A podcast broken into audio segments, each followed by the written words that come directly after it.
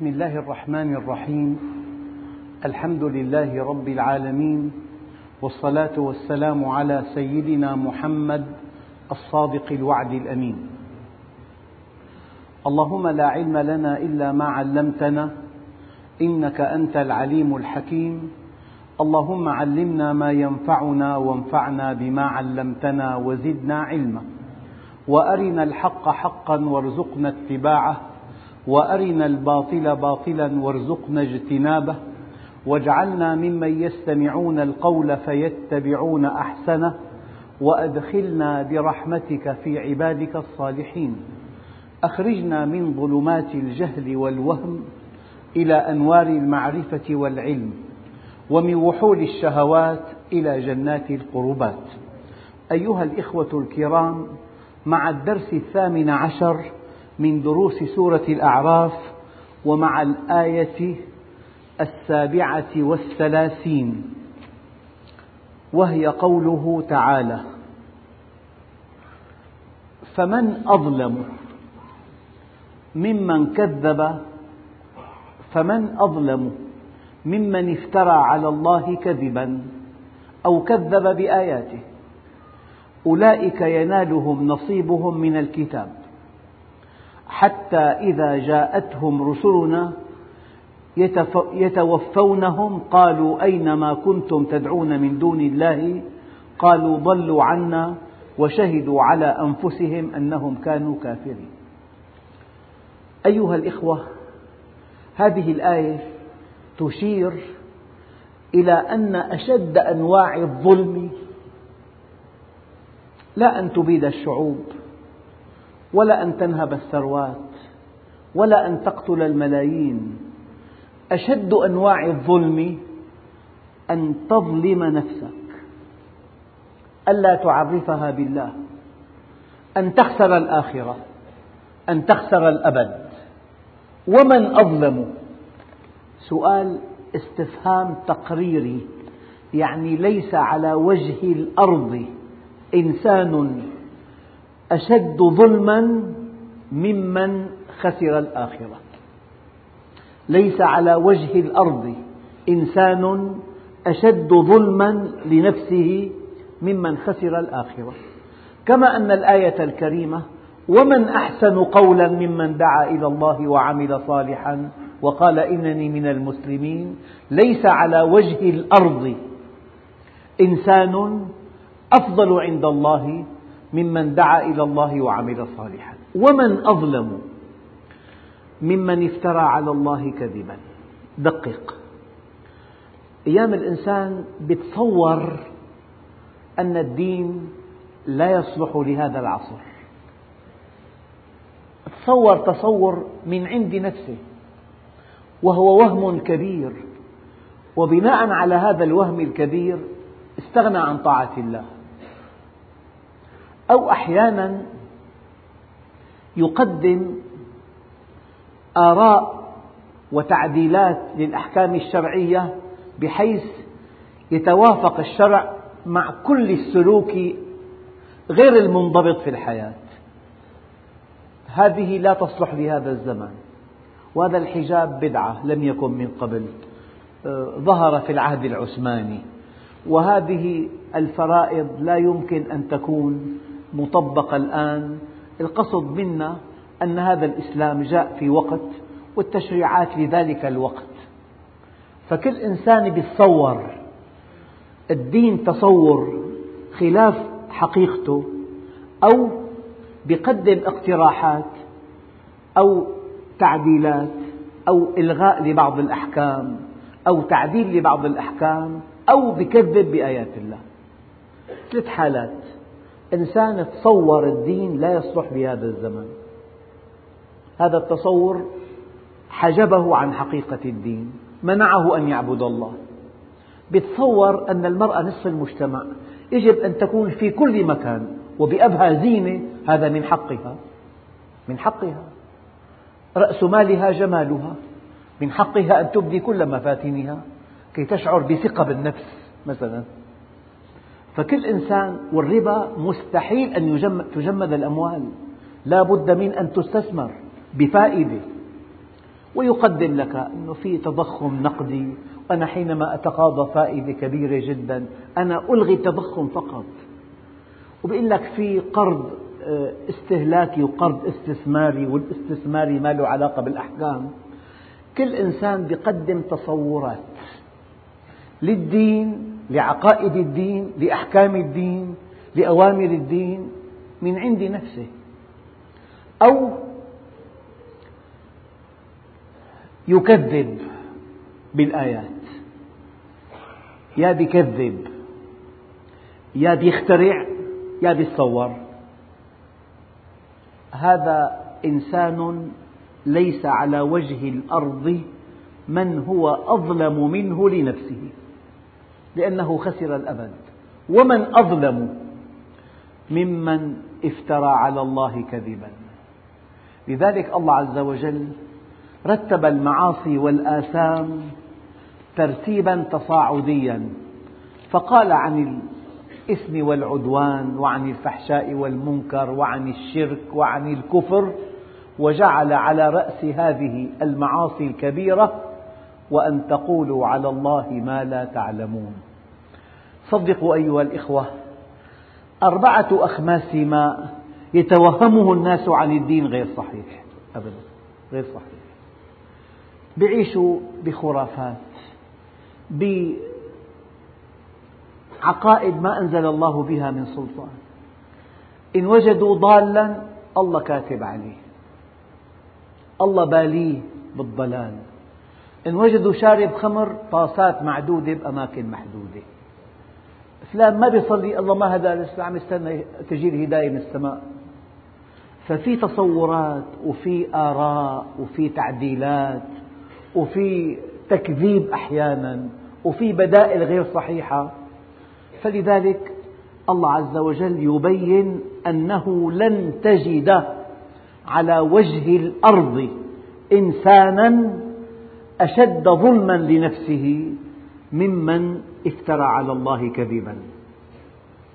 يعني يكفي أن تتوهم افعل كل المعاصي والآثام ويوم القيامة يسجد النبي تحت العرش يقول له ارفع قال لا أرفع حتى تشفعني بأمتي. يقول له ارفع واشفع تشفع.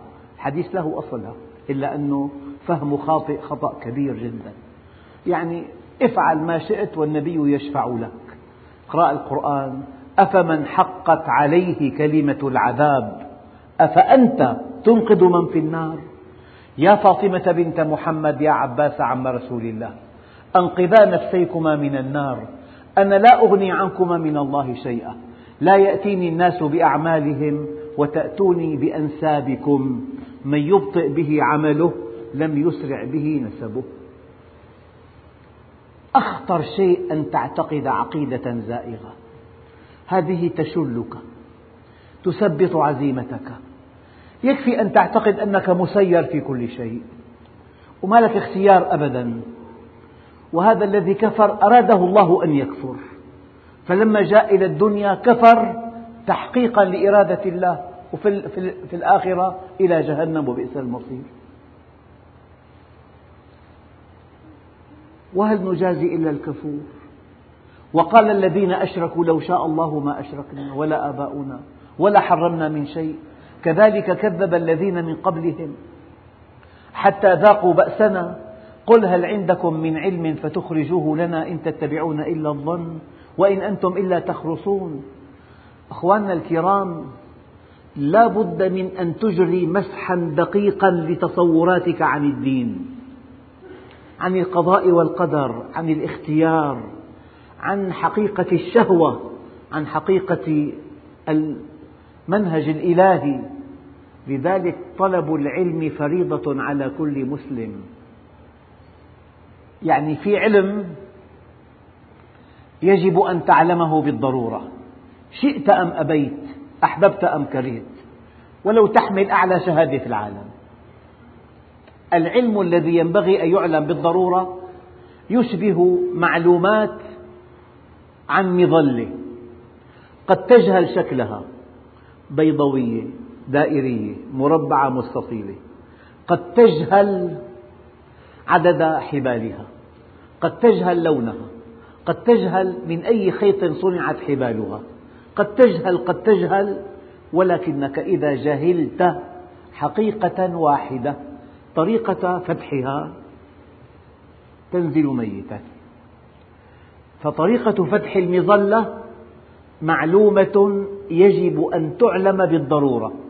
وفي بالدين مجموعة عقائد مجموعة أوامر مجموعة نواهي يجب أن تعلم بالضرورة. ومعرفتها فرض عين على كل مسلم. يعني قائد السيارة قد لا يعلم بأية طريقة صنعت. وهذه المكابح من أية مادة صنعت.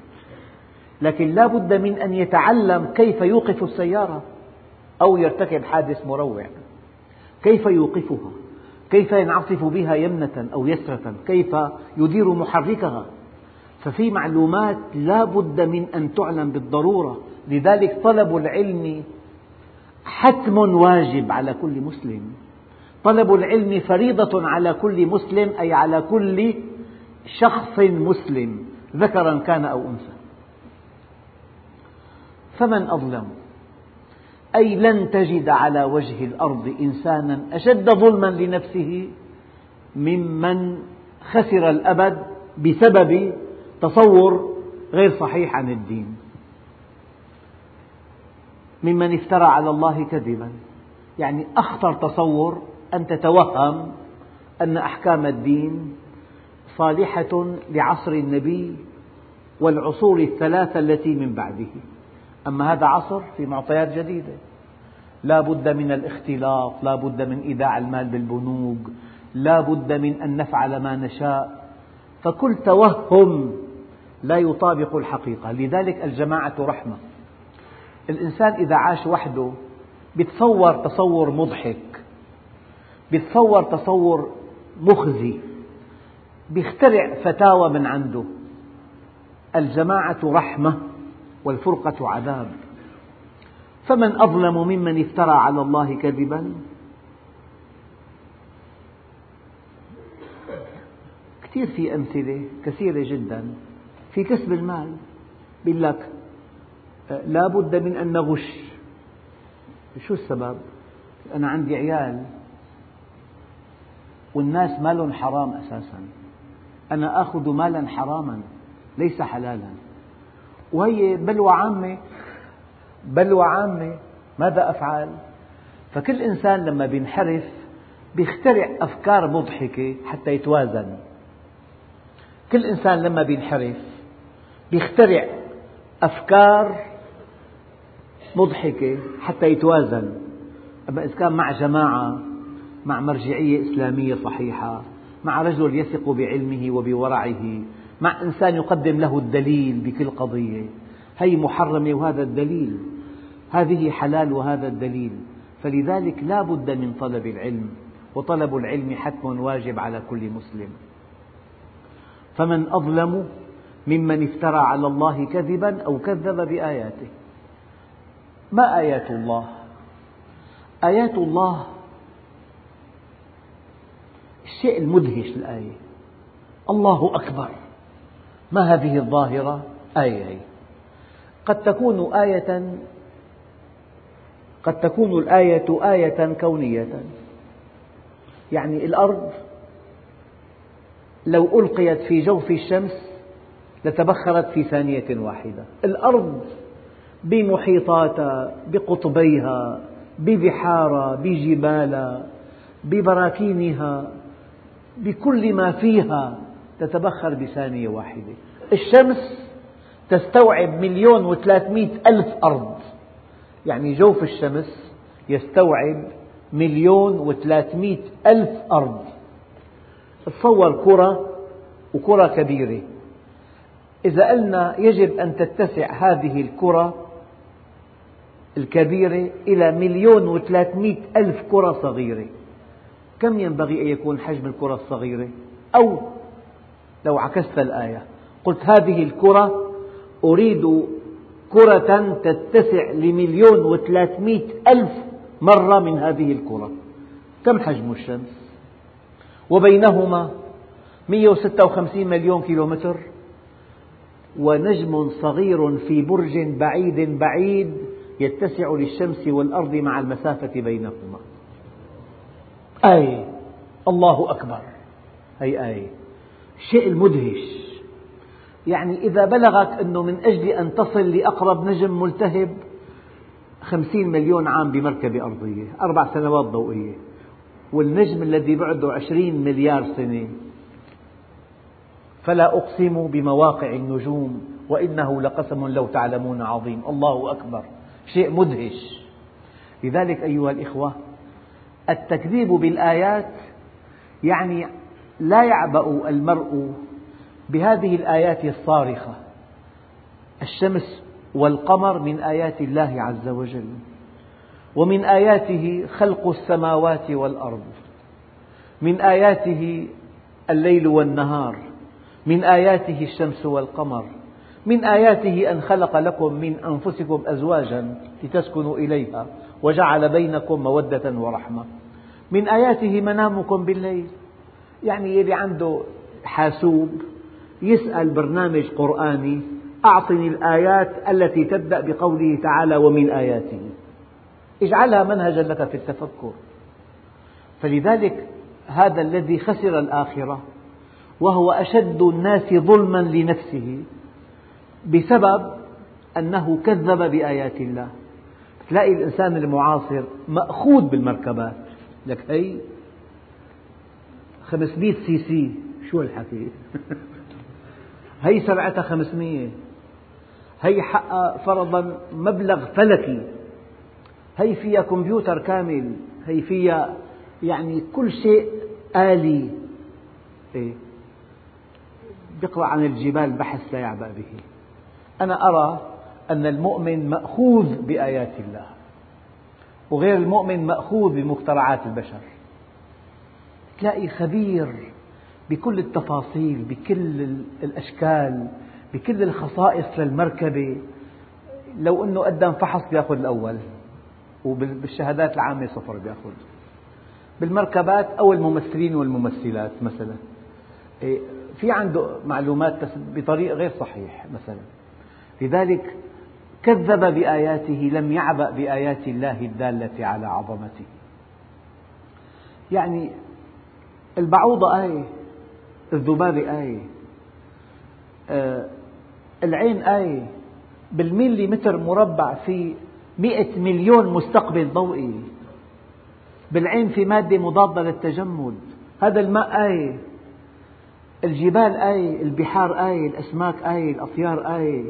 النباتات آية في نبات للأخشاب نبات للأدوية نبات للأصبغة نبات للثمار نبات نأكل جذوره نبات نأكل أوراقه نبات نأكل أزهاره نبات نأكل ثماره. في, في أشجار للزينة كأنها مظلة في أشجار حدودية في أشجار مثمرة. لو درست موضوع النباتات نبات كل شيء. من أوسع الآيات الدالة على عظمة الله. يعني حقل بطيخ يا ترى هي نضجت أم لم تنضج؟ معقول أن تنبطح إلى جانبها وأن تضربها لتسمع رنتها؟ معقول. الله جعل حلزون تمسكه بإصبعيك فإن انكسر فالبطيخة ناضجة وإن بقي طريا فالبطيخة لم تنضج بعد. الله عمل لك علامة. تدخل إلى حقل بندورة أحيانا. ممكن يكون في فرضا خمسة طن في شيء مئة حبة حمراء داكنة والباقي خضراء. كأن هذه الحبات الحمراء تقول لك تعالى اخطفني أنا نضجت أنا مجهزة كي تأكلني. تعالى. علامات أعطاك علامة. كل شيء عند النضج له لون خاص. فأنت لما بتكون مؤمن مأخوذ بآيات الله مأخوذ بالوردة ما هذه الرائحة؟ ما هذا التنوع؟ مأخوذ بمخلوقات الله وغير المؤمن مأخوذ بالمخترعات. والله مرة قال شخص بلغني عنه قال قد ما له معجب بهالمركبة المعينة تتمنى أن تمشي فوقه. أحمق. المؤمن مأخوذ بآيات الله. فهذا كذب بآياته. الله له آيات كونية. طيب. وله آيات قرآنية. الدليل كتاب فصلت آياته. هي آيات قرآنية. في آيات كونية. وفي آيات تكوينية. الزلازل من آيات الله الدالة على عظمته. البراكين. الأمطار حينما تزداد عن حدها المعقول تصبح نكبة كبيرة جدا. الرياح قد تقتلع مدينة بأكملها. نحن ما شفنا الأعاصير. في أعاصير سرعتها 1200 كيلومتر. لا تبقي ولا تذر. مرة أصاب دمشق رياح عاتية سرعتها 125 يعني أبنية كثيرة هدمت. جدران كثيرة وقعت. السرعة 125 في أعاصير سرعتها 1200 كيلومتر. لذلك الله عز وجل خلقه آيات خلقه آيات وكلامه آيات وأفعاله آيات. الذي ظلم نفسه وخسر الآخرة من من شأنه ومن صفاته أنه يكذب بآيات الله. بتحدثوا عن الجبال لك أخي موضوعات معروفة. شو أسعار الدولار اليوم؟ يعني هو كل شيء متعلق بالله زهدان فيه. كل آية بتلفت النظر إلى عظمة الله إلى قدرته إلى حكمته إلى رحمته إلى جماله. لا يعبأ به. والله أيام إنسان يقف أمام فراشة يسجد لله على الألوان الرائعة أو أمام عصفور أو أمام آه، ورود معينة. تناسق ألوان مذهل. أنا أرى أن المؤمن مأخوذ مندهش بآيات الله الكونية وبآيات الله التكوينية وبآيات الله القرآنية. والذي خسر الآخرة وكان ظالما لنفسه أشد أنواع الظلم يكذب بآيات الله. لا يعبأ بها. فمن أظلم ممن افترى على الله كذبا أو كذب بآياته. أولئك. ينالهم نصيبهم من الكتاب. كيف؟ هو كذب به كليا. طيب سؤال. إذا إنسان راكب طائرة أراد أن يهبط منها وهي في أعالي الجو طبعا بمظلة. هو قال لا لا ما في حاجة لمظلة. هذا قانون السقوط أنا لست مؤمنا به أنا كافر به. خرافي هذا. فألقى بنفسه. لما كذب بقانون السقوط عطلوا. نافذ فيه. صدقت به أم لم تصدق؟ أكبرته أم احتقرته؟ سيان القانون نافذ فيك. بينزل ميت فإذا أنت كذبت القرآن قوانينه سارية عليك. ومن أراد العاجلة عجلنا له فيها ما نشاء لمن نريد. ثم جعلنا له جهنم يصلاها مذموما مدحورا. هو كذب بهذا القرآن بأكمله قال هذا ليس كلام الله. ماشي. وانكب على الدنيا وأم نجح صار يحمل اسم كبير أو يجمع ثروة طائلة. هي أنا كذبت وأنا غني بس وضعت جاء في القرآن ومن أراد العاجلة عجلنا له فيها ما نشاء لمن نريد ثم جعلنا له جهنم يصلاها مذموما مدحورا. بيقول لك يا أخي هي أوروبا. للقمر وصلوا.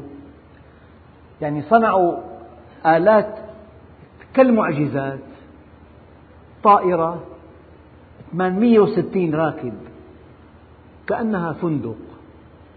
كل شيء فيها. تحلق على ارتفاع خمسين ألف قدم. رفاه الأرض فيها كله فلما نسوا ما ذكروا به فتحنا عليهم أبواب كل شيء. حتى إذا فرحوا بما أوتوا أخذناهم بغتة. هو كذب لكن وضعه بالقرآن موجود. يعني الله عز وجل قال كلا نمد قبل ما الآية الأولى ومن أراد العاجلة. عجلنا له فيها ما نشاء لمن نريد ثم جعلنا له جهنم يصلاها مذموما مدحورا.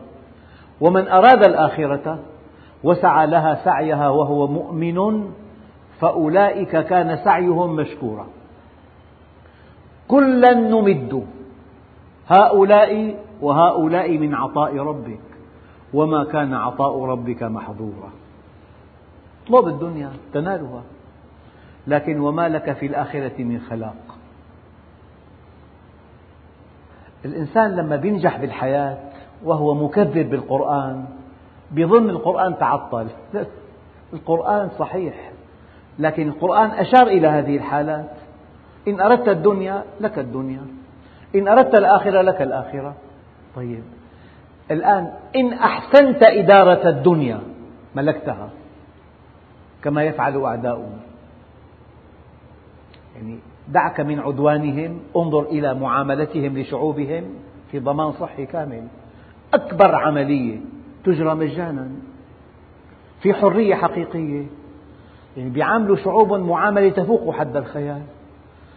لما أحسنوا إدارة شعوبهم كانوا أقوياء وملكوا الأرض وفرضوا ثقافتهم وإباحيتهم على بقية الشعوب. صح. الدنيا لها نظام آخر. كيف نحن الساعة؟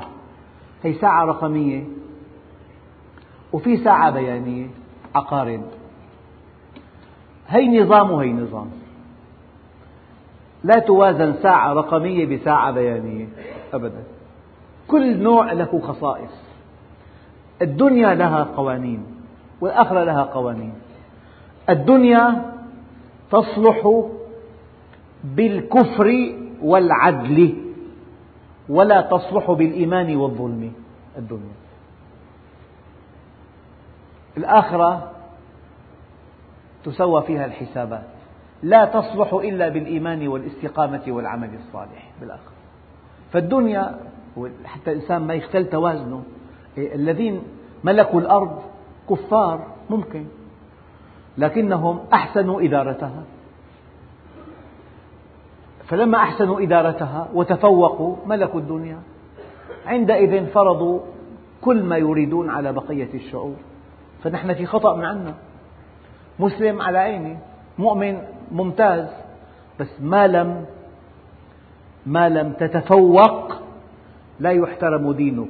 يعني بصراحة مجتمع إسلامي في بطالة كبيرة جدا لا نحترم في عنوسة كبيرة جدا. العنوسة في بعض المجتمعات خمسون بالمئة. البطالة في بعض المجتمعات ستون بالمئة بطالة. في بطالة مقنعة. إن أعطيت إنسان ستة آلاف بالشهر هذا بطال. أنه ما بيكفوه يحتاج إلى عشرين. حتى يحقق الحد الأدنى من كرامته. فلذلك ما لم نحل مشكلات الشباب. ما لم نهيئ مساكن للشباب ما لم نهيئ فرص عمل للشباب ما لم نهيئ زواج للشابات ما لم نخفض نسبة العنوسة ما لم نخفض نسبة البطالة. لا لا نحترم في العالم ولا يحترم ديننا. هي حقيقة مرة. وهي عندي أفضل ألف مرة من الوهم المريح. لا تكن إنسان سلبي يا أخي دين عظيم. امبارح صليت بكيت. بارك الله شيء رائع جدا. لكن ماذا قدمت لهذه الأمة؟ ماذا قدمت؟ قدمت شيء جيد؟ أضخم قصر إسلامي 250 مليون عن طريق التجار فقط. لو ما رأوا من هؤلاء التجار الاستقامة والصدق والنزاهة والخدمة ما أسلموا. أنت ماذا قدمت؟ يكفي أن تكون صادقا فأنت أكبر داعية. يكفي أن تكون أمينا فأنت أكبر داعية يكفي أن تكون عفيفا فأنت أكبر داعية قدمت شيء. أخواننا الكرام الحقيقة التي أتمنى أن تكون واضحة لديكم. اسأل نفسك كل يوم ماذا قدمت للمسلمين؟ أما كل اهتمامك لمصالحك كل اهتمامك ينصب في بيتك ولا يعنيك من أمر الناس شيئا. لا وزن لك عند الله. فلا نقيم لهم يوم القيامة وزنا لهم صغار عند الله. ماذا قدمت الأمة؟ أتمنى أن تشحذ الهمم. أتقن عملك. تكون قد قدمت شيء للأمة أعرف رجل عبقري في الحواسيب الصناعية. فكل حاسوب صناعي وراءه معمل ضخم وفيه 500 عامل أيام تتعطل لوحة الإدارة إدارة الحاسوب. إصلاحها مليون ليرة تعطيل المعمل أسبوعين تقريبا. الله وفقه إلى إصلاح هذه اللوحات عم يتقاضى عشرة آلاف على إصلاح اللوحة ويومين ثلاثة. كم خدمة قدم للأمة؟ كم معمل تعطلت هذه اللوحة؟ كان في تعطل شهر وفي ذهاب اللوحة إلى بلاد بعيدة جدا والدفع قريب مليون ليرة. أتقن عملك. تكون قدمت شيء للأمة كبير جدا. أتقن دراستك. كن طبيب لامع. كن صناعي كبير. هيئ فرص عمل للناس. قال لي أخ أنا أريد أن ألغي, ألغي المعمل أن أصفي المعمل. قلت له لماذا؟ قال لأنه ما في أرباح. المصاريف تساوي الأرباح تماما. قلت له كم عامل في عندك؟ قال لي 80 قلت له هذا أكبر ربح. أنت فاتح 80 بيت. فاتح 80 بيت. أنت مأمن فرص عمل ل 80 أسرة. كل بيت فيه خمسة أولاد وفي زوجة. بارك الله به تابع عمله ما ترك. فأنت بس تفهم الدين عطاء. أنت ماذا فعلت؟ طالب تفوق. تاجر ائت بالبضاعة الجيدة. وليكن سعرها معتدل. فأنت مع النبيين. التاجر الصدوق مع النبيين. إندونيسيا فتحت عن طريق التجار. صناعي قدم صنعة متقنة. سعر معتدل. هيئ فرص عمل للشباب. واحد ذهب إلى بلاد الغرب إلى ألمانيا بالذات لإنشاء معمل كبير. صعق. حينما وجد أنه ليس هناك من شروط إطلاقا إلا تعهدين أن يتعهد بتأمين فرص عمل وعدم تلويث البيئة. وقدموا له كل دنم أرض بأجرة مارك واحد بالشهر. طلب مئة دنم الدنم بمارك وأسس عمل وقدم تعهد بعدم تلويث البيئة وقدم تعهد بتأمين فرص عمل. للمواطنين. قدموا. إذا أيام التعقيدات تشل اقتصاد الأمة. تعقيدات. لك شيء شبه مستحيل أخذ ترخيص مثلا. هذا من تخلف الشعوب الأخرى. فلذلك اسأل نفسك ماذا قدمت لهذه الأمة. قدمت علم. قدمت قدمت أولاد. عندهم وعي كبير وملتزمين. صاروا أطباء صاروا قضاة صاروا محامين صاروا مهندسين. ما غشوا؟ كانوا أدوا عملهم بالتمام والكمال. لذلك أيها الإخوة أولئك ينالهم نصيبهم من الكتاب. الكتاب مطبق آمنت به أو لم تؤمن. قوانينه مطبقة آمنت بها أو لم تؤمن. ينالهم نصيبهم من الكتاب. إذا أتقنوا الدنيا تفوقوا فيها وملكوها. هيك الكتاب جاي؟ الآية الكريمة ولقد كتبنا في الزبور من بعد الذكر أن الأرض لله يرثها عباده الصالحون. قال بعضهم الصالحون لإدارتها الصالحون لاستغلال ثرواتها الصالحون لتقديم الخدمات للأمة. فأنت حينما تقول أنا أقدم شيء معنى أنت مسلم حقيقي. لكن ما بتقدم شيء أبدا في مشكلة كبيرة. طيب حتى إذا جاءتهم رسلنا يتوفونهم حتى إذا جاءتهم رسلنا يتوفونهم قالوا أين ما كنتم تدعون من دون الله؟ قالوا ضلوا عنا. أنت كنت ظانن المال إله؟ وفلان بيده كل شيء بيده أن يرفعك أو أن يخفضك بيده أن يعزك أو أن يذلك. وينه؟ جئتمونا فرادى كما خلقناكم أول مرة. فرادى. قالوا ضلوا عنا. هنا إضلال توحيدي. الذين كان يعبدهم من دون الله في الدنيا ضلوا عنه في الآخرة. أبدا. أيام إنسان بسذاجة مضحكة. بيسأل واحد معلوماته محدودة عن قضية متعلقة بمعصية كبيرة بيقول له ما فيها شيء. لك فتالي ما بتنفذ لعل أحدكم ألحن بحجته من الآخر. فإذا قضيت له بشيء فإنما أقضي له بقطعة من النار. لو أنك انتزعت من فم النبي عليه الصلاة والسلام فتوى ولم تكن محقا لا تنجو من عذاب الله. قالوا ضلوا عنا. وشهدوا على أنفسهم أنهم كانوا كافرين. كانوا كافرين بالله عز وجل مؤمنين بهؤلاء الشركاء. أخواننا الكرام الآية ولقد كتبنا في الزبور من بعد الذكر أن الأرض يرثها عبادي الصالحون.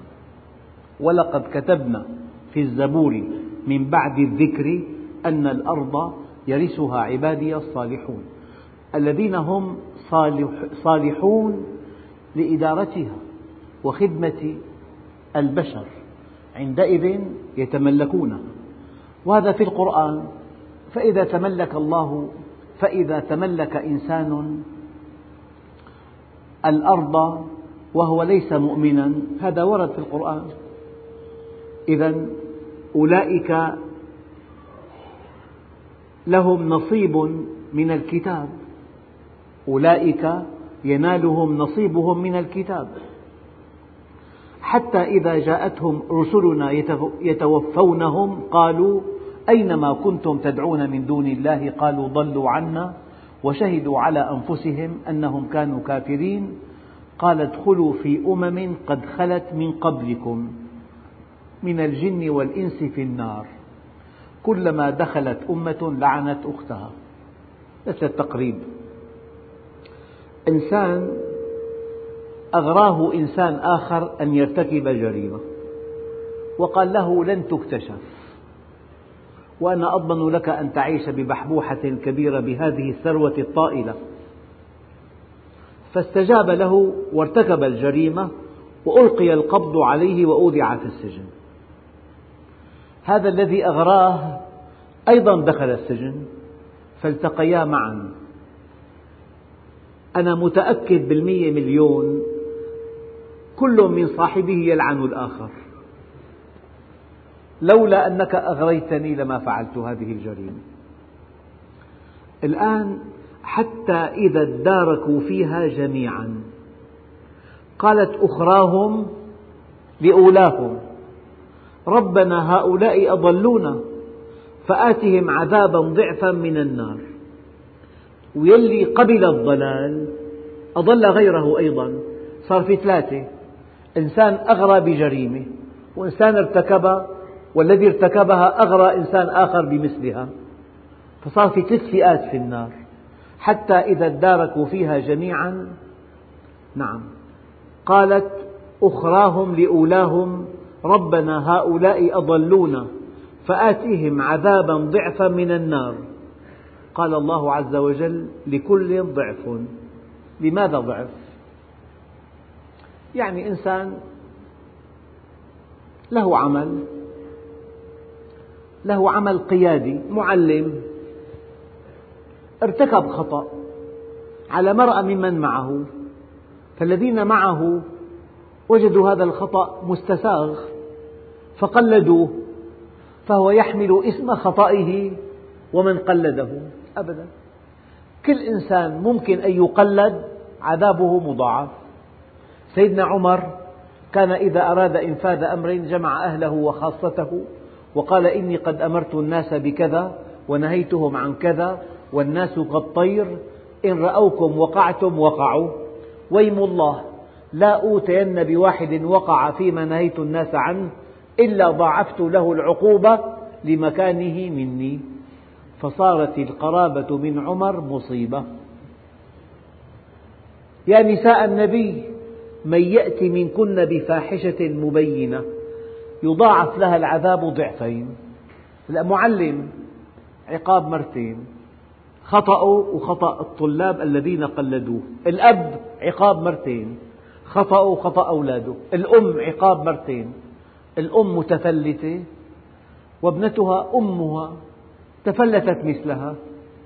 لها عقاب مضاعف. كل إنسان قيادي ولو كان عريف صف في أقل من القيادة هي إذا أخطأ في عذاب مضاعف. أم كذبت على زوجها أمام ابنتها. لما بنتها تزوجت كمان كذبت على زوجها. يضاعف لها العذاب ضعفين. كل إنسان له منصب قيادي وأخطأ يتحمل خطأه وخطأ الذي قلده. أبدا. فالله عز وجل قال لكل ضعف لا تغلبوا حالكم.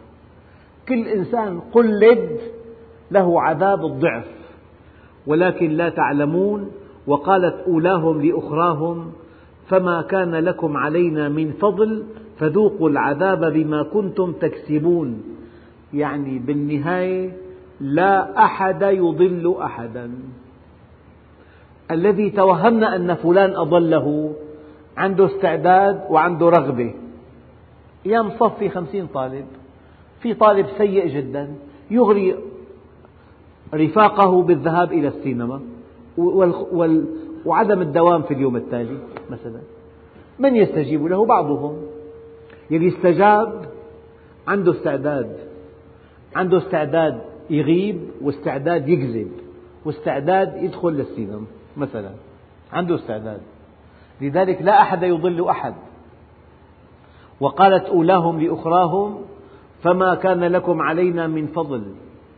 نحن لسنا محاسبين عنكم. إنكم أردتم أن تكونوا مثلنا. فذوقوا العذاب بما كنتم تكسبون.